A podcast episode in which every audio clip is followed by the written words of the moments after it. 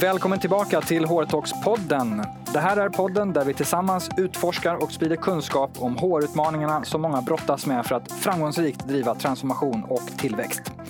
Här lyssnar du på skarpa samtal mellan mig, Tommy Kau, och olika företagsledare, HR-chefer och experter där vi är konkreta, öppna och går rakt på sak. Som alltid är vi otroligt glada, ödmjuka och tacksamma för alla ni som lyssnar varje vecka och ett extra stort tack till dig som ger oss feedback, ställer lyssnarfrågor, prenumererar, betygsätter oss och följer och engagerar eh, oss i sociala medier. Podden möjliggörs bland annat av vårt samarbete med nya Edge, det digitala HR-företaget som hjälper oss att ge dig extra värde som lyssnar i form av kunskap och olika erbjudanden. Stort tack till nya Edge. I dagens avsnitt pratar vi om hur du skapar en tillväxtkultur där sälj, mångfald och inkludering är i den innersta kärnan. Vilka utmaningar möter du? Vilka personliga ledarskapsknep funkar? Och vad är absolut viktigast att göra? Och vilka konsekvenser får det faktiskt lov att ha? Och inte att förglömma, vad behöver du kravställa till HR för att vara med och driva den här utvecklingen? För att djupa mer i detta har vi bjudit in en företagsledare med både en exceptionell personlig historia och en tung karriär. Han deserterade från Iraks armé som 20-åring, flydde till Sverige och tjatade till sig ett jobb i en Telia-butik. Sedan dess har han gjort en raketkarriär och varit VD för tre telekombolag och chef på Telia i Baltikum. Han har blivit utsedd till Årets ledare på Telekomgalan och har själv som utgångspunkt att alltid jobba för att bygga självförtroende hos sina medarbetare och få dem att växa. Sedan ett år tillbaka är han VD på Tre i Sverige med uppdraget att transformera, boosta, växa och utmana. Han heter Haval van Drömt och nu sätter vi igång dagens skarpa samtal.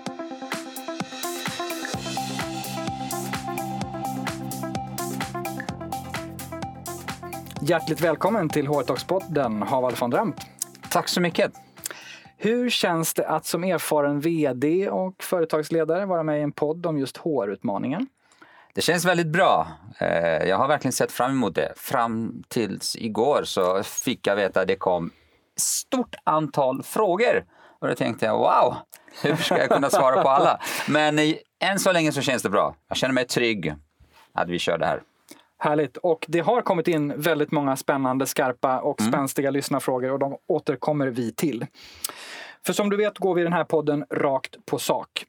Vad är enligt dig den största utmaningen att som VD idag driva ett företag till tillväxt? Det är många utmaningar. Eh, just i dagens Sverige så kompetens är en sån utmaning. Därför HR är en viktig pusselbit i det. En annan utmaning för min bransch, telekombranschen, är eh, det är väldigt tuff konkurrens i Sverige. Det tredje är när eh, konkurrensen är så pass hög och stor. Hur ska du särskilja ditt varumärke? Så det, det är ett gäng utmaningar. Och jag tänker att telekombranschen generellt, eh, tre också, har årtionden kan man nästan säga av tillväxt bakom sig mm. med datarevolutionen och så vidare. Men senare år har det varit allt tuffare. Skulle du säga att Tre är ett tillväxtbolag idag? Tre är absolut ett eh, tillväxtbolag. Eh, när vi stängde fjärde kvartalet så hade vi den starkaste tillväxten sedan 2016 Q2. Så vi, eh, från andra halvan förra året eh, har vi haft riktigt bra momentum. Men en liten svacka eh, under ett par år där eh, man har eh, städat, eh, byggt IT-plattformar, gjort om vissa saker så det har varit fokus internt. Men nu är det full kraft framåt. Full kraft framåt, full kraft tillväxtkultur, det kommer vi tillbaka till. Jag tänker när du kommer in i ett bolag som har haft stora framgångar, eh, som har vuxit men som eh, du kanske lite inne på har stannat av i det här fallet. Vad gör du då när du kommer in i en sån verksamhet? Det här har varit nästan the story of my life. Eh, tittar man på de tre, fyra jobben som jag har haft eh, senare, senare tid så har det alltid varit så. Det jag alltid tittar på, oavsett om det är ett stort bolag, litet bolag eller om det är en avdelning eller en unit. Varför det här bolaget eller avdelningen startades en gång i tiden. Vad är det syfte? Vad var det då? Tillbaks till ritbordet tillbaks till DNA. Du hittar svaren där. Hitta på, in, gå inte in i olika eh, villovägar. Syftet med att Tre startades en gång i tiden var att utmana en trött telekommarknad i Sverige. Ah, okej, okay, DNA finns där. Det betyder att det finns en plattform. Det, det, det, det innebär att förutsättningarna finns där att bygga på det. Det är det jag letar efter. Det ska vi fördjupa oss i. Jag tänkte eh, snabbt gå tillbaka till när du faktiskt klev in för ett drygt år sedan så man mm. förstår vilket bolag 3 är för de som inte är lika insatta som, som dig. Det startade för ganska exakt snart 20 år sedan. Mm. Men snabb bakgrund idag. Hur stort? 3 är stort. Vi är 1700 personer. Eh, drygt 2 miljoner kunder. Eh, det talas 30 olika språk på 3. Det är många kulturer som ska samsas under samma paraply. Eh, 58 procent av mina medarbetare är under 29 år. Så på, på många sätt är det ett fantastiskt bolag. Och ditt uppdrag och den största utmaningen som du identifierade eller fick presenterad för dig, det mm. kan vara olika. Vad, hur ter det sig? Jag har en eh, styrelse som är eh, väldigt professionell och väldigt tydlig. Och faktum är att många bolag har styrelsemöten en gång per kvartal. Jag har varje månad. Men tillbaka till din huvudfråga. Eh, när jag träffade dem så var det väldigt tydligt. Tillbaka till, till, tillbaks till tillväxt. Repositionera varumärket. Och sen så att det ska vara ett lönsamt företag. Så det, och, och, jag gillar när det är så här tydligt. Och, och de var väldigt tydliga också med mig. Kom inte tillbaka som alla andra vd Kom med, med strategiplan som ska ge eh, Big Bang-effekt om fyra år. Det är snabba puckar här och, och telekom går snabbt, vilket jag visste det. Så därav gillade jag uppdraget. Det var tydligt, ingen fluff, eh, rakt på sak och, och kör det. Du var inne på DNA, alltså gå tillbaka till ursprunget. Mm. Hur i, och du har gjort det här flera gånger, hur tycker du eh, dig veta nu att man ska gå tillväga för att hitta sitt DNA och hitta tillbaka till det där? Varför? Ja, men varför? Du, du hittar alltid eh, kollegor, vänner eh, som, som har jobbat på det bolaget. Det finns många dokument. Gå tillbaks till historiken. Då, då ser du någon form av mönster. Så här har man gjort. Det här startade man det. Och, och det är det jag försöker hitta och så kittlar man fram det. Och hur har du kittlat? Eh, det finns olika saker då. Eh, man kan göra ganska stora liksom förändringar, man kan mm. jobba med eh, små förändringar. Så vad, vad, har du gjort för förändringar för att kittla fram det här? Mm. När jag kom till Tre så var jag väldigt tydlig med vad mitt uppdrag var. Det är tillväxt. Och tillväxt har alltid varit något som Tre varit duktig på. Och så visar det hur historiskt man har jobbat med, med det här och hur bra man har lyckats. Och då, och då ser du när, du, när du tittar på historien hur det här bolaget har gjort, tittar på ansiktet på, på dina kollegor som lyssnar och målar bilden där, så märker du, de börjar skina. Okej, så väldigt mycket tolkar jag det som att förpacka det man redan har upplevt en gång i tiden och förstärka det man eh, egentligen har varit bra på. Även om man inte är lika vass just nu på det, så förstärka det som finns. Ja, men absolut. Det, det du har gjort, du packar om, och visar upp det. Och sen så målar du en resa som påminner om det. Väldigt, väldigt aggressivt framåt. Det är en del av det. En annan del av det, för alla kommer köpa, köpa in sig på. För tänk på en sak, alla dina medarbetare oavsett roll och funktion vill lyckas. Mm. När du visar målet, vad vi ska och varför vi ska dit, så vill de veta, okej okay, hur gör vi det? Där behöver du vara också väldigt tydlig. Hur gör vi det? För det finns en förväntan. Du som ny VD, som ny ledningsgrupp, ska inte bara måla bilden. Hjälp till på, på, på travet att, att få medarbetarna att komma dit. Och du var inne på det med att många vd kommer tillbaka med långsiktiga planer som ger effekt om, om många år och så vidare. Eh, och det har man då uppenbarligen inte tid med längre. Eh, generellt då kanske er bransch och bolag i synnerhet. Men det här som du beskriver, var upplever du att man kanske lätt, vad går man kanske bort sig ofta i när man uppenbarligen kanske inte lyckas med det där? Eh, det, det, är många saker. Eh, ett, presentera väldigt fina planer, inte följa upp. Nummer två, inte kommunicera. Nummer tre, kanske ha folk som inte har köpt in sig på det 100 procent. För till syvende och sist så är det, det är ditt gäng som ska göra det. Och kommunikation är väldigt viktigt. Det som jag nämnde innan vi kom in. En företagsledning utan rätt kommunikation, det är som en bil utan ratt. Det funkar inte. Och en sak till vill jag påminna och det är av egen erfarenhet. När du börjar tröttna på att höra dig själv upprepa samma budskap hela tiden. Det är då du stannar upp och sätter ny växel. Mm. För, för det, du är inte, jag är inte säker på att det har nått ut hela vägen. Och självklart så skiljer det om du leder ett företag med 30 personer eller leder ett företag med 1700 personer. Mm. Men kommunikation, kommunikation mm. och guida på vägen hur långt vi har kommit mot målet. Vad har vi gjort? Mm. Vilka Hur gör man det då? Vad är bra sätt? Alltså för min del och, och vår, vår egen del på jobbet. Eh, vi spelar in varje månad en fyra, fem minuters film, både jag och min CFO berättar hur månaden har slutat.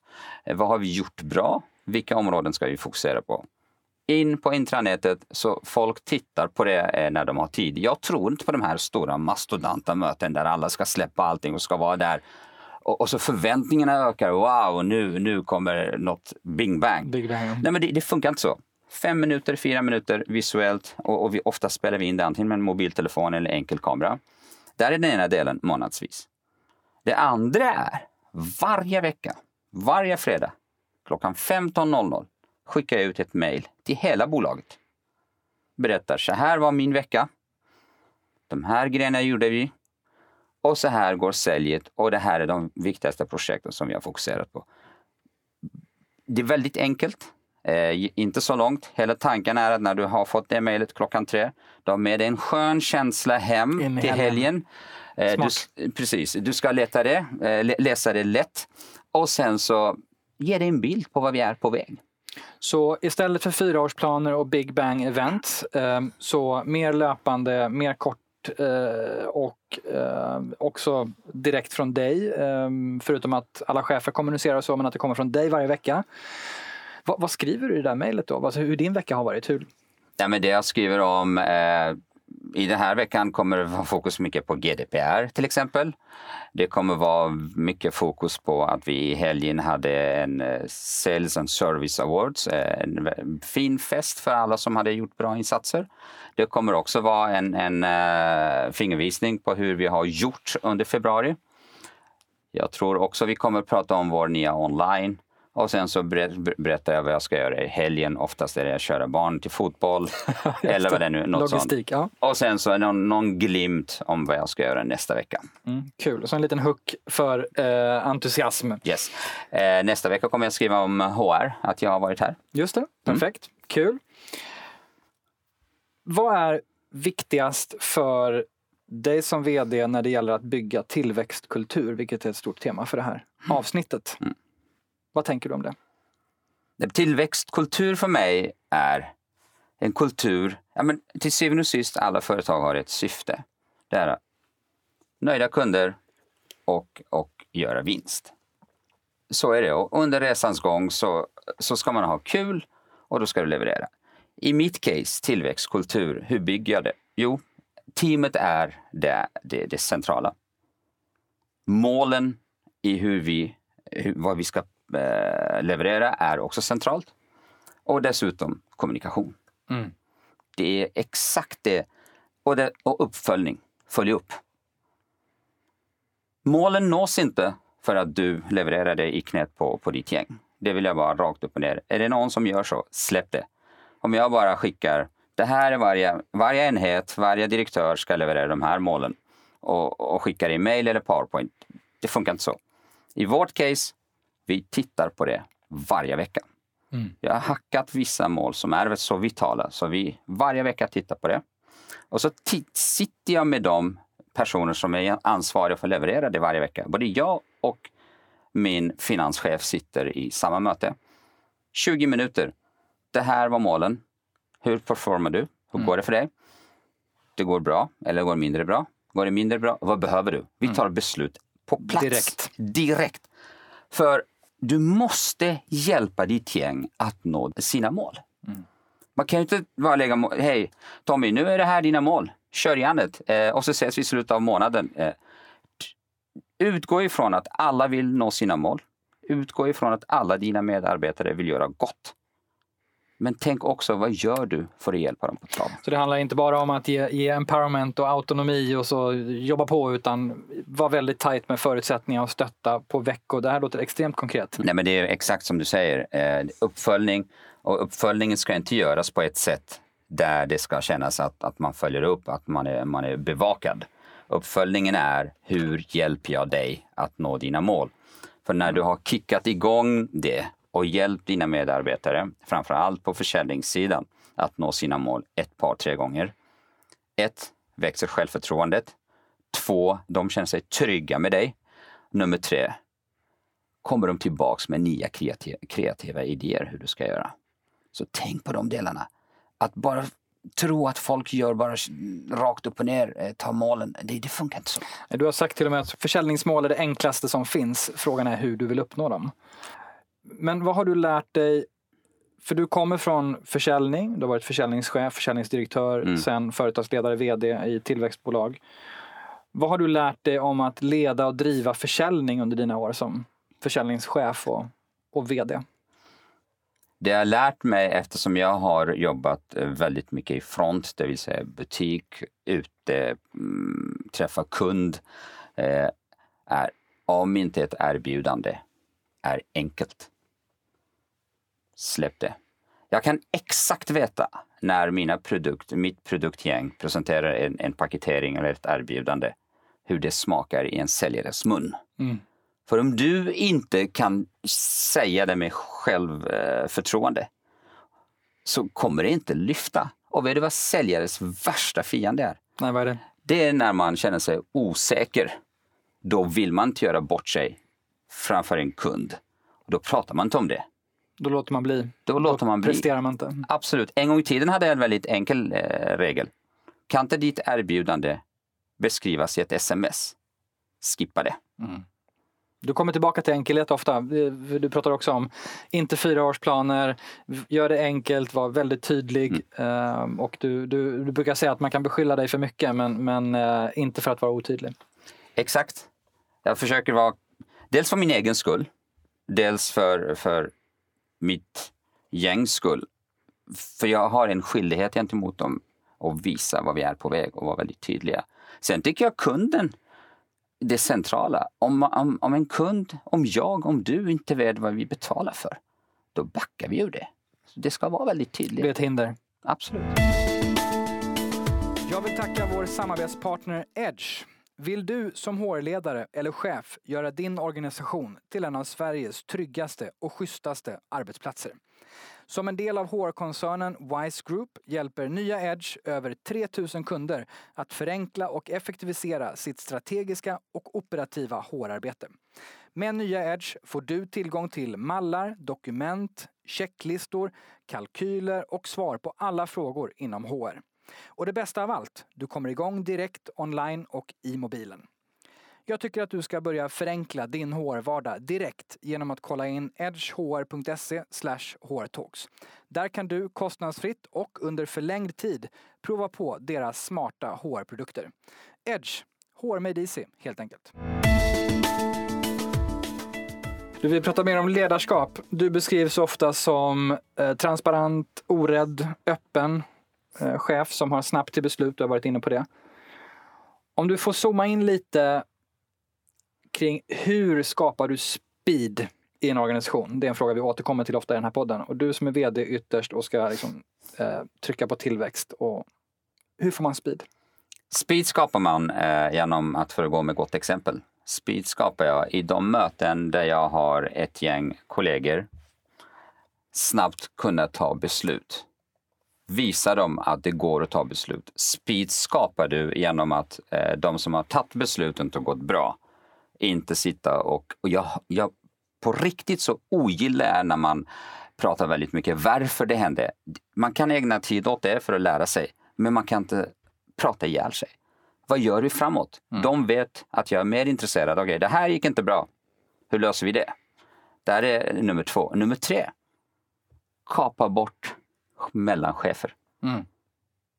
En VD ska se hur många chefer har man till säljaren på golvet.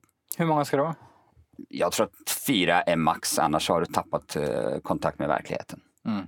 Så det, du kan inte ha hur många som helst. Så kapa bort chefsleder, eh, gör det tight och dessutom speed skapar man också genom att de enheter du jobbar med, ger dem full mandat att ta egna beslut så blir det ingen fingerpointing.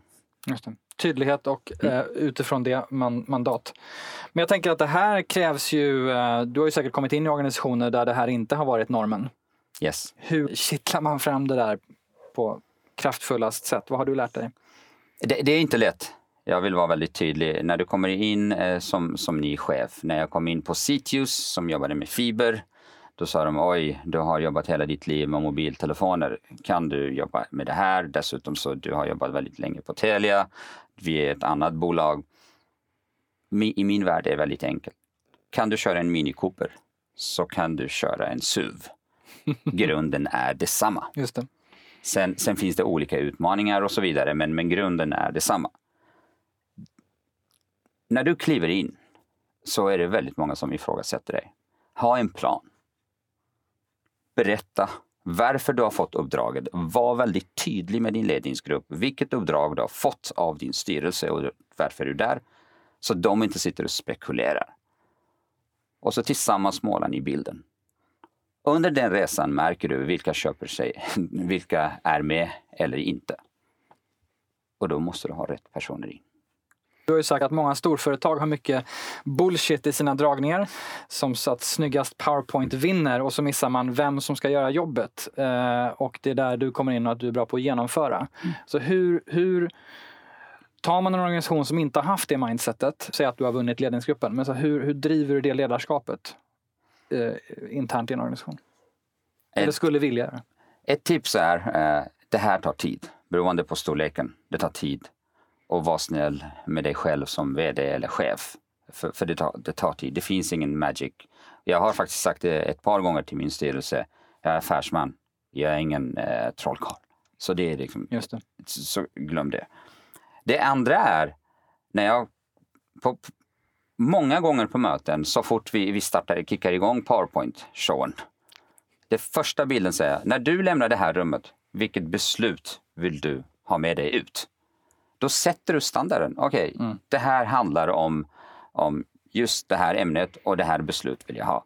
Sen så när det har gått ett par bilder, slides, då, men du, vad är kärnan? När du har upprepat det tre gånger, jag lovar, fjärde gången, så har du reducerat antal Då powerpoints. börjar folk anpassa sig. Ja, med, För att med, du är tydlig med förväntningar. Ja, men absolut. När du kommer in och drar igång, bara berätta det här förväntar jag mig eh, när jag har lämnat mötet. Eh, och då, antingen är man redo att ta ett beslut eller så gör man inte det. Och sen så bort, bort, bort, hoppa det här, det här kan jag, det här kan jag. Så minimerar de det. hela tiden trimma. Eh, nu är vi inne på en sak som vi pratar också en del om i den här podden och det är tid. Mm. Och vad det finns för ledarskapsknep där. Eh, Ett uttryck som, som har följt mig väldigt länge är time is the most valuable thing you can spend.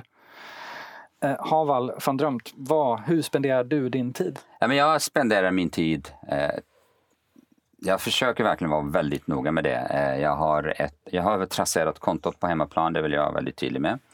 Eh, men oftast är jag på jobbet någonstans vid 8, 10, 8. Jag tar inga möten innan 9, för det är värdelöst. För att, Eh, för att jag är inte på rätt våglängd och jag kan garantera dig, många som sitter på andra sidan bordet är inte på, Inte på, heller. inte heller. Därav är det värdelöst. Eh, Antingen har man eh, skickat ungarna till dagis eh, och, och, och, och bråkat eh, eller trasslat sig igenom jag Stockholmstrafiken. känner inte alls igen mig på någon Nej. av de två punkterna. Nej. Men det gör jag. Så, men jag försöker vara vid kafeterian, träffa många mm, härliga människor som kommer in. Ofta står jag där med, framförallt är mycket skönt tugg med, med teknikerna med en kopp kaffe. Och då kickar man igång det. För de, det är ett enkelt tugg, det är enkla samtal. Det, tar inte så mycket bandbredd. Nej. Sen är det möten. Mm. Ja, men lite tid på morgonen, det är faktiskt bra ämnen. Va- Ett tips, rör er mycket i korridorerna. Mm. Faktum är att jag har bett min assistent skapa egen tid i kalender för att jag ska gå runt i korridorerna. Mm. Säkerställ. Absolut. Att det sker. Ja, vissa brukar driva med mig, management by walking. Mm. Eh, Men stanna vid olika eh, skrivbord, prata med folk. Jag är alltid på, på, på, på, eh, i korridorerna och synlig. Och sen så mötena håller jag kort. Jag vill veta vad, jag, vad förväntas av mig när jag går in på de mötena. Vad är ett kort möte för dig? Ett kort möte kan vara 15 minuter. Mm. Det, det, går att klara av saker på 15 minuter. Eh, väldigt många saker betas av också på väg hem eh, i bilen. Man behöver inte alltid sitta och, och ha mastodonta saker. Nu får man en liten känsla av vad du tycker att vi ska göra mindre av Mm. som ledare idag. Vad ska vi göra mer av? Om vi ska fylla vår kalender med något, vad ska vi fylla mer? Förutom att gå i korridorerna. Var nära golvet. Jag lovar. Testa det. Var nära golvet. De tips du får in, Mm. de insikter du får in, kan ingen konsult ge dig dem. Dessutom när du sitter på något möte med ditt gäng så kan du alltid säga, men jag träffade Kalle som jobbar i butiken. Det här inte var hans erfarenhet. Eller i helgen stod jag i butiken på, på, på Mos. Så sa inte kunden, var nära golvet. Det är obetalbart. Nära rälsen. Yes.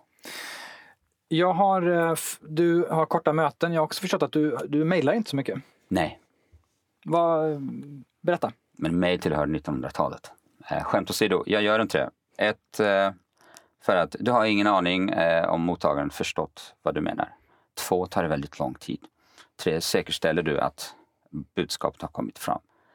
Att ringa ett samtal är alltid effektivare än att skriva ett mejl. Precis som jag sa, jag pratar direkt med dig, jag vet att du har fått stafettpinnen. De frågor som du har, du har ställt. Och, och om uppdraget är fel så får jag också ett, någon form av tid att fundera över och reflektera. Men, det, ja, men Tommy hade rätt. Och sen så kan vi säga, ja, men vi hörs lite senare. Ring. Vi är ju ändå tro, trots allt ett, ett kommunikationsföretag. Vi måste kunna Måste ringa kunna varandra. telefonen till mer saker Ja. än mejla. Och, och förlåt, en sak till. Samtal skapar också dialog och närhet. Mm. Och tillit. Exakt. Ja, det kanske inte är så mycket mejl just som skapar tillit. En personlig reflektion. Ja, men min erfarenhet är att ibland har vi en tendens att det här, är ett, eh, det här är en utmaning eller ett problem. Nu mejlar jag Tommy det. Nu är det inte mitt, nu är det Tommys. Men jag har ingen aning om Tommy har läst det, fått det, eh, vilken våglängd. Men du kanske har en enhet, en, en, en kund, en medarbetare som väntar på svar. Så därför skippa det. Hur, men bara så att man förstår om man lyssnar. Jag tror att många lyssnare vet ungefär hur mycket mejl man själv skickar och får. Hur många mejl skickar du på en vecka? Förutom det mejl jag skickar till alla medarbetare som jag räknar som ett mejl, för det är ett budskap. Jag tror att jag är max på 20 per vecka. 20 mejl per vecka. Jag tycker Exakt. att alla som lyssnar ska Mm. luta sig tillbaka och reflektera lite över Ja. det. Jag, jag menar verkligen det. Hur länge har du, har, du, har du lyckats med det? Jag har lyckats med det, jag tror, senaste tre åren. Okej, du har korta möten, du Mm. mejlar inte så mycket. Eh, Men jag tänker korta möten, sitter du ens ner? Nu Nej. står vi i- poddbåset ska sägas, vi, vi står oftast för det är Mm. lite mer framåt lutat. Men Nej, jag sitter inte på möten. Eh, och det tar ett tag innan ledningsgruppen förstår. Eh, för det kan vara stressigt för några. Men jag, brukar, jag säger det direkt. Jag brukar inte sitta, så stolarna får ni ta. Eh, och var ni vill sitta, det, det struntar jag i. Jag brukar alltid stå, för jag behåller skärpan på ett annat sätt. Jag läser av rummet på ett annat sätt. bra tips till dig som lyssnar. Om du skulle summera ner dina, vi har hört några av dem eh, Mm. och det här kanske är ett av dem, men dina liksom riktiga ledarskapsövertygelser som, eh, och knep som du har lärt dig är riktigt viktiga i, i det uppdraget du har nu och vi pratar ju om tillväxt i, i det här avsnittet. Låt inte folk gissa vad du vill och vad du är på väg. Och, och låt framförallt din ledningsgrupp kunna orientera sig mot dig. Det här, det här är, det är många medarbetares framtid och karriär vi har i våra händer. Det är väldigt många kunders förväntningar, framförallt i vår bransch, mobiltelefonen är di, ditt, din vardags fjärrkontroll. Därför så måste saker gå väldigt, väldigt snabbt. Tillit. Mitt gäng ska veta exakt vad de har mig och de ska veta exakt vad vi är på väg. Och jag ska veta vad jag har mitt gäng. Det är lite som fotboll, man brukar inte ropa till varandra. Nu kommer bollen eh, och du sätter dig i mål. Man, man passar varandra. Man, man skickar bollar till varandra utan att behöva eh, skicka mejl eller ringa. Mm. Du ska vara där och känna att det finns någon i boxen som tar emot det. Sömlöst. Exakt. Vi var inne på hur tre ser ut. 57 procent eller 58 är Mm. under 29-30. 30 olika språk och massa nationaliteter. Om man inte sitter i en sån verksamhet, hur får man det där att funka? Vad har du lärt dig? Just att det är många nationaliteter och många kulturer som samsas under ett och samma tak. Nej, men det jag har lärt mig är företaget, företaget i sig måste ha en stark kultur. Även om, för det är just den kulturen som drar till sig olika eh, typer av individer, människor, personligheter. Om det inte är starkt så blir det väldigt enkelt att du kör enkelspår. Där är ena sidan. Om, om det inte är starkt och du har må många eh, olika personligheter, människor, färger inne under ditt, eh, ditt, ditt paraply Mm. så kommer det bli spretigt. En stark företagskultur är A och O för att du ska kunna locka till dig alla typer av individer. Och jag tänker att in, inte bara stark utan eh, jag tänker lite så rätt kultur också för att du kan ha en väldigt stark kultur som attraherar väldigt mycket likheter. Mm. Så vad är det för ingredienser tycker du i den här starka, mer rätta kulturen som du vill se och verkligen bygga för att locka till sig de här olikheterna? Det är att inkludera. Mm. Alla ska känna sig eh, med på, på den resan vi är och alla ska känna att de bidrar eh, till, till resan. Jag tror, visst, du var hos oss på kontoret. Just det, Många ungdomar, musiken pumpar hela tiden. Och ja, det är bra vibe alltså. Ja, men det är ju det. Och, och, och det, ibland det kan vara lite småjobbigt, måste jag ändå erkänna. Eh, Du har på, på ena planen en, en våningsplan, en typ av musik, på den andra en annan. Men till syvende och sist, om de kan jobba i de förhållandena och de kan fokusera sig och resultaten är där. eh, Så, Då så, får det vara hur mycket vibe som helst. Exakt. För jag tänker just på när du berättar det här att det är så viktigt att vara inkluderande. Då tänker jag, vad är det för knappar man har som företagsledare och även HR för den skullen om man lyssnar. För att åstadkomma det. Alltså så här, konkreta knapparna för att åstadkomma inkluderande kultur. Men knapparna eh, är många. Man kan starta från min egen ledningsgrupp. Jag har en CFO från Frankrike. Jag har en Head of Konsument, eh, vår konsumentchef från Norge. Eh, vår kundservicechef är syrian. Vi, har- vi, det startar ju redan där. Mm. När du har den blandningen i din ledningsgrupp och det ser ut så här i andra ledningsgrupper då blir det enkelt att, att ta in. För, för du tänker ju inte i, i, i andra banor, du gör inte skillnad. Nummer ett. Nummer två. När en person, oavsett från vilken ort den kommer in eh, till vårt företag, så ser de att ledningsgrupperna ser väldigt, väldigt fina ut i, i, i, blandningen. Då skapar det tro. Mm. Jag kan också få plats där någon gång i framtiden. Tro och trygghet. Exakt. När vi åt lunch nyligen, då var jag hos er på, på tre, så sa du att HR blir ett allt starkare och mer avgörande verktyg för att driva bolag. Om du får utveckla den tråden lite, så hur du tänker och din syn på, på HR. HR är en stark pelare. Därför så är det centralt i alla bolagsbyggen. Vi befinner oss idag i ett läge där de unga har helt andra krav och arbet, eh, arbetssätt. Där måste HR hjälpa mig och andra i ledningsgruppen att bygga en, en, en företagskultur som kan få in dem. Vi är snart också i ett läge där vi kommer ha kompetensbrist. I många lägen faktiskt är vi redan där. Hur säkerställer vi att vi har rätt kompetens ombord? Ett, attrahera. Två, bibehålla. Och det, det tredje också är, vi har människor som, som har jobbat väldigt, väldigt länge, som besitter väldigt många erfarenheter. Hur kopplar vi dem ihop med de unga? Så att man lär sig av varandra. Där är, HR riktigt, riktigt viktigt och avgörande. Jag vet att det är fler och fler företag eh, börjar få det här på sin radar. Eh, när vi ses på olika event så, så diskuteras det nu eh, friskt. Eh, hur vi gör något åt det, jag, har, jag tror inte att jag har alla svaren. Men för, för vår egen del så har vi skapat en egen, vi har en egen academy på jobbet. Vår HR-avdelning jobbar med utbildning. Vi, har, eh, vi försöker ha en plan för de som kommer in, hur vi växlar upp dem. Eh, för snart kommer vi komma i ett läge där det kompetens vi idag har Eh, större delen av det behöver vi, men, men en, en del kommer behöva växlas upp.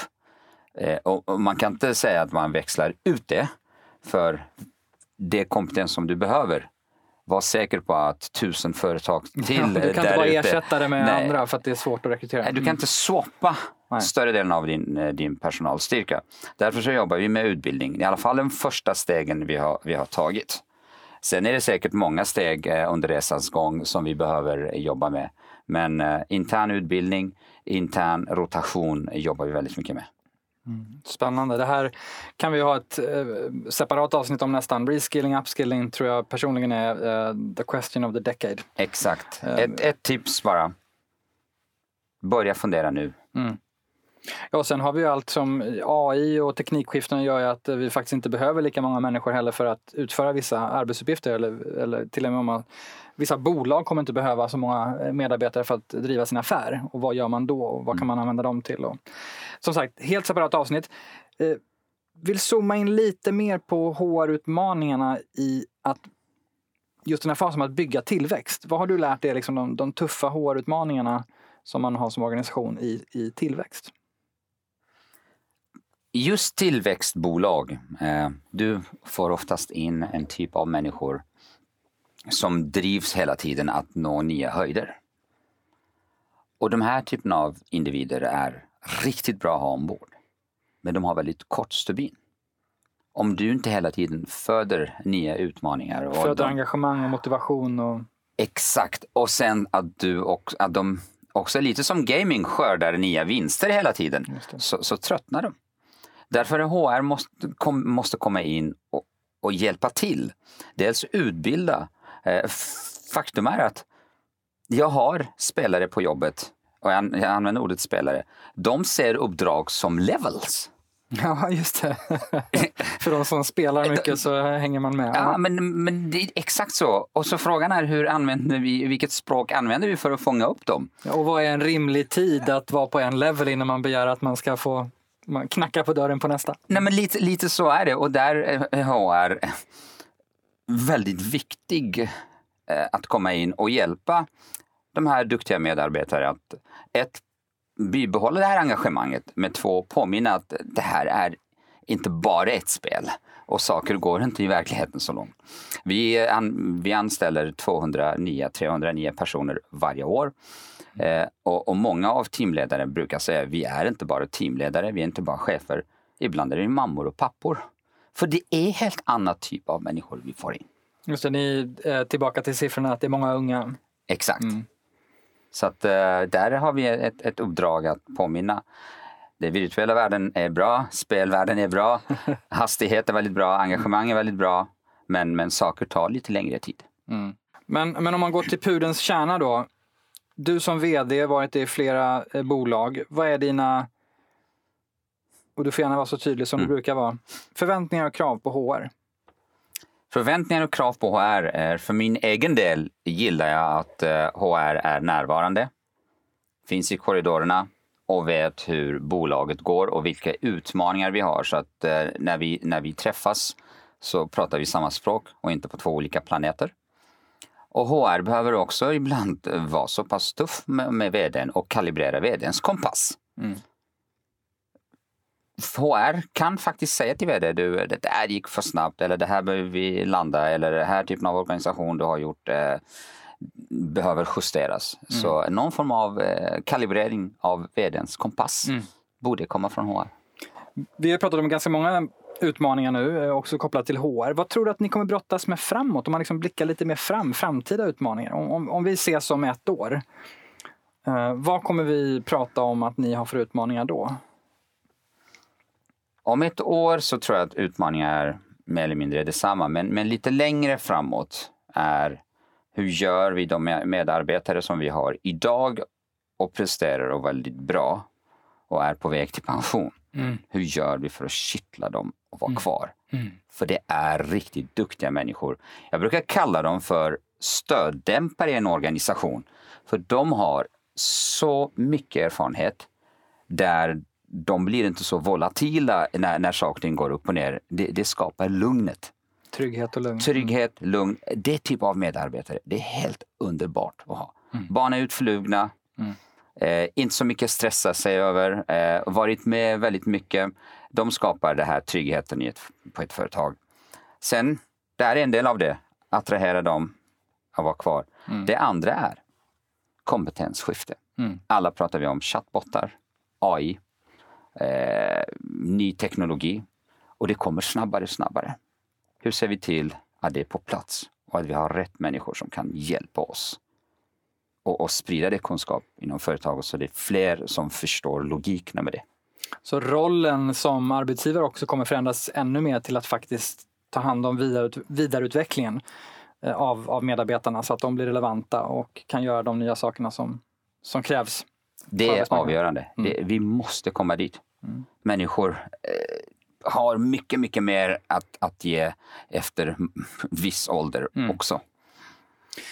Och, och, här är nog, eh, om man får vara lite filosofisk, det här är lite ett nytt läge. För tidigare har man ju mer liksom kanske gjort stora omställningsprogram och, och, och krasst hivat ut folk som inte är lika relevanta längre. Och det har man för det första inte råd med nödvändigtvis längre. Och för det andra så om alla gjorde det så får vi problem. Så en annan lite roll i samhället för företag. Ja, men det tror jag. Och jag tror att vi är redan där. Mm. Vi är redan där och vi gör det, men vi har inte kommit dit och, och pratar om det. Eh, sen i vilken, i vilken omfattning och, och, storlek gör vi det på olika ställen, det, det, kan inte jag svara på. Men för vår del är riktigt viktigt. Om du tittar på, ni är ju en bransch som också driver en del av den här utvecklingen såklart med mm. 5G och alla konsekvenser som det får. Men om du får blicka sig fem år fram i tiden och snarare kanske lite bredare som, som VD. Vad tycker du är allra viktigast för dig själv och andra som lyssnar att vi börjar preppa våra organisationer på? Informationsflödena kommer att öka radikalt. Därför så behöver du som ledare att definitivt kunna lära dig sortera bort. Det kommer vara så mediebrus runt mm. omkring dig. Du kommer ta information från alla håll och kanter. Du måste kunna hitta rätt information och sortera så du inte dras med. Nummer ett. Nummer två, integritet. Eftersom vi är uppkopplade nu och vi kommer vara uppkopplade än mer eh, med framförallt 5G och allting som blir uppkopplade så blir integritetsfrågan väldigt, väldigt viktig.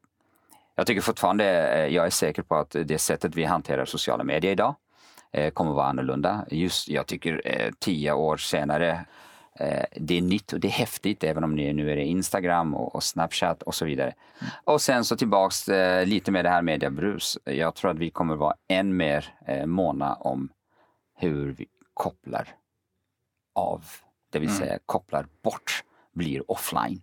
Just det. Återhämtning. Mm. jag, jag tror den, efter, vi kommer inte klara av det här annars. Du måste ha tid där du laddar batterierna och kopplar bort allt mm. ifrån dig.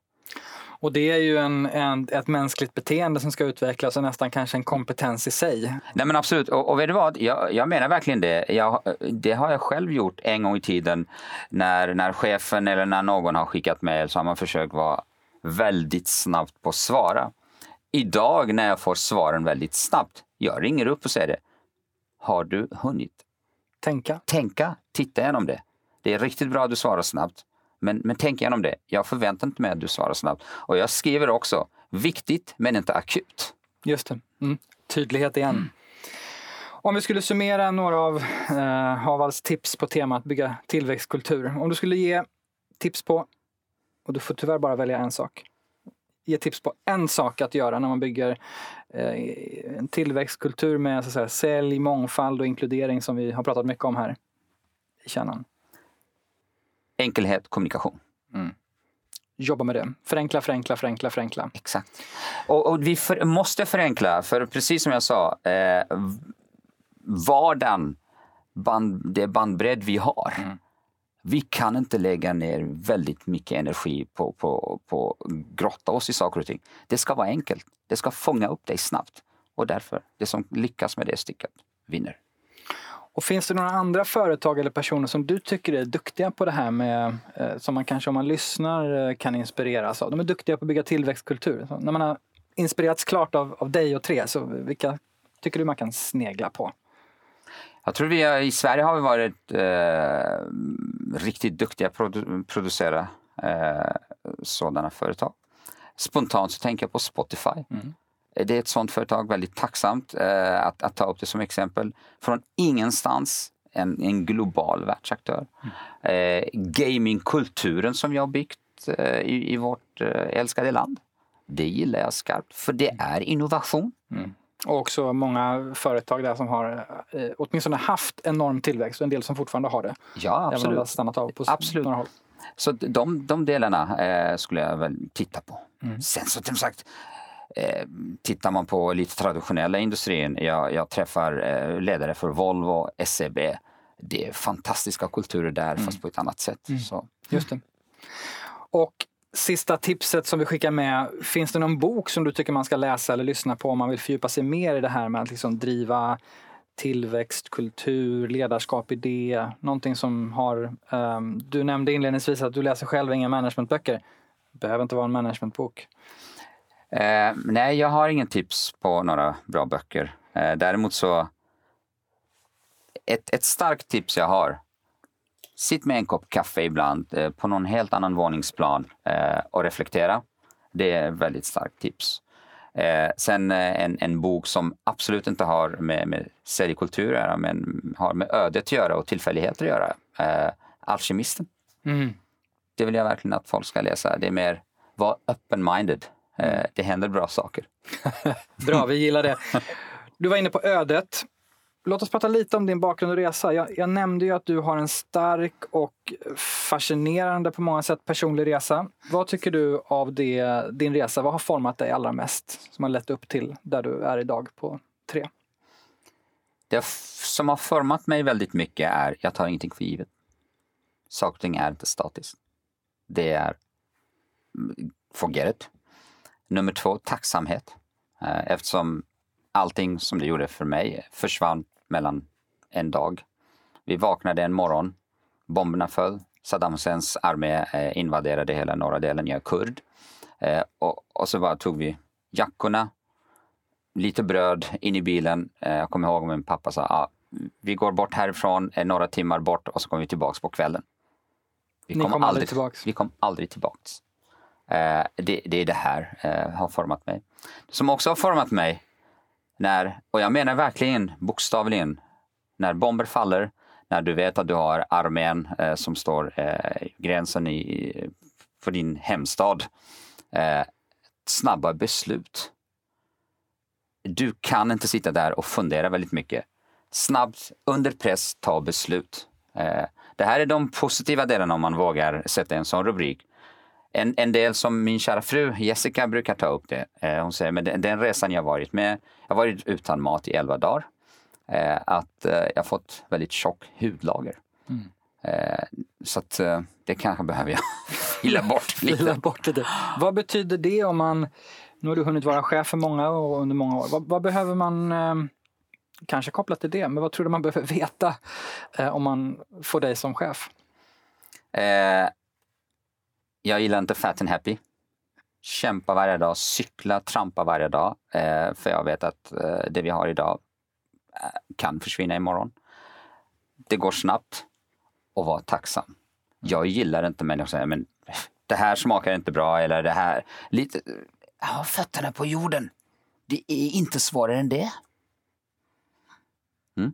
Och sen du kom till Sverige, tjatade till dig ett jobb och sen har du varit eh, telekomindustrin trogen kan man säga och, och nästan samma bolag trogen under, under många år. Mm. Eh, hur, hur, hur, blev den där, nu har vi pratat mycket om den senare delen av karriären, mm.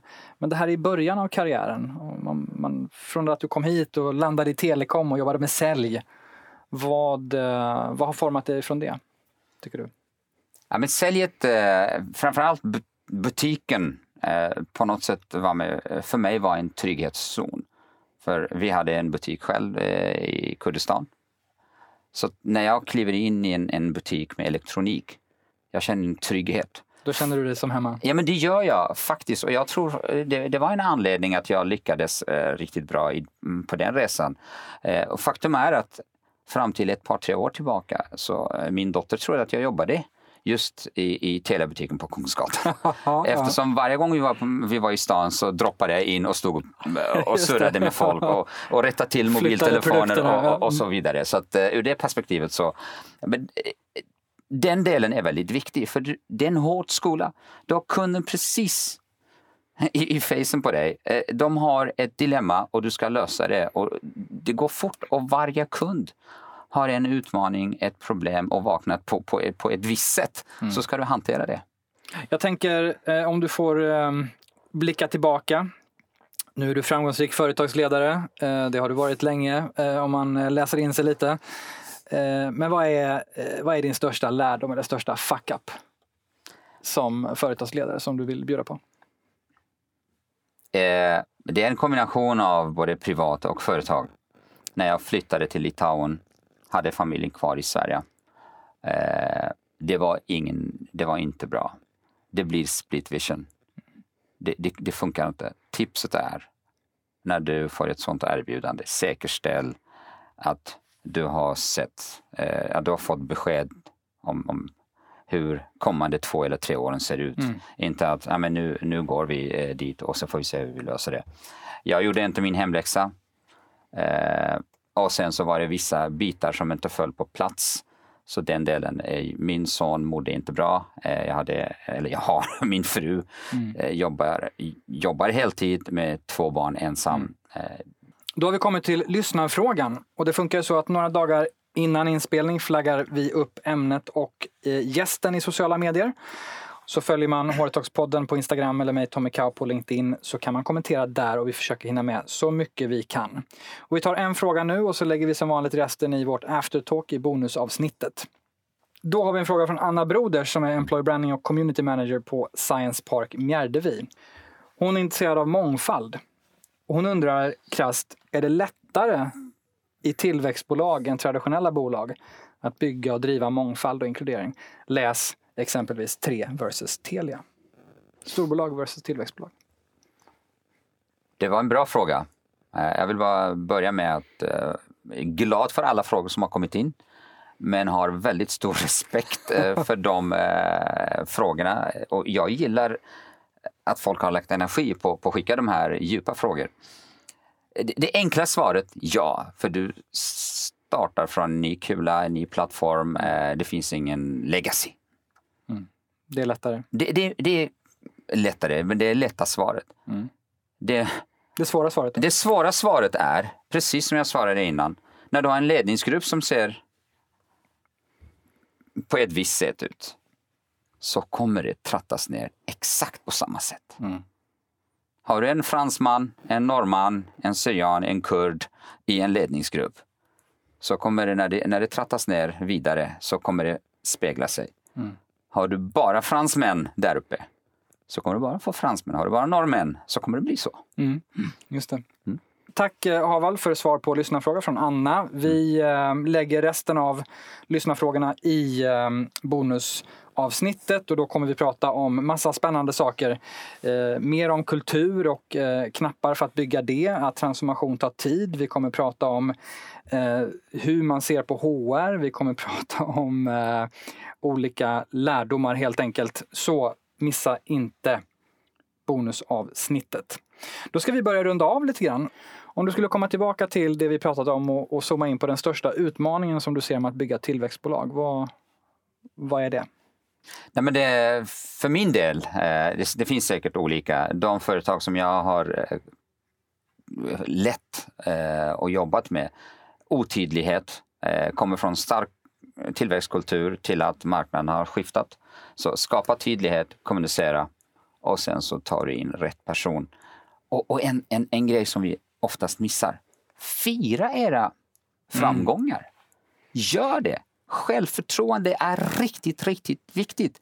En, en sak som vi inte har pratat om mycket, eh, nu vill jag inte att vi startar om hela podden, men, men skapa självförtroende hos de medarbetare ni har. Låt dem utmana ledningsgruppen och utmana dig. För de in, om de inte utmanar dig internt så kommer de aldrig kunna utmana en konkurrent. Att utmana internt tränar upp känslan Och då kommer de utmana och ifrågasätta konkurrenterna på ett helt annat sätt. Mm.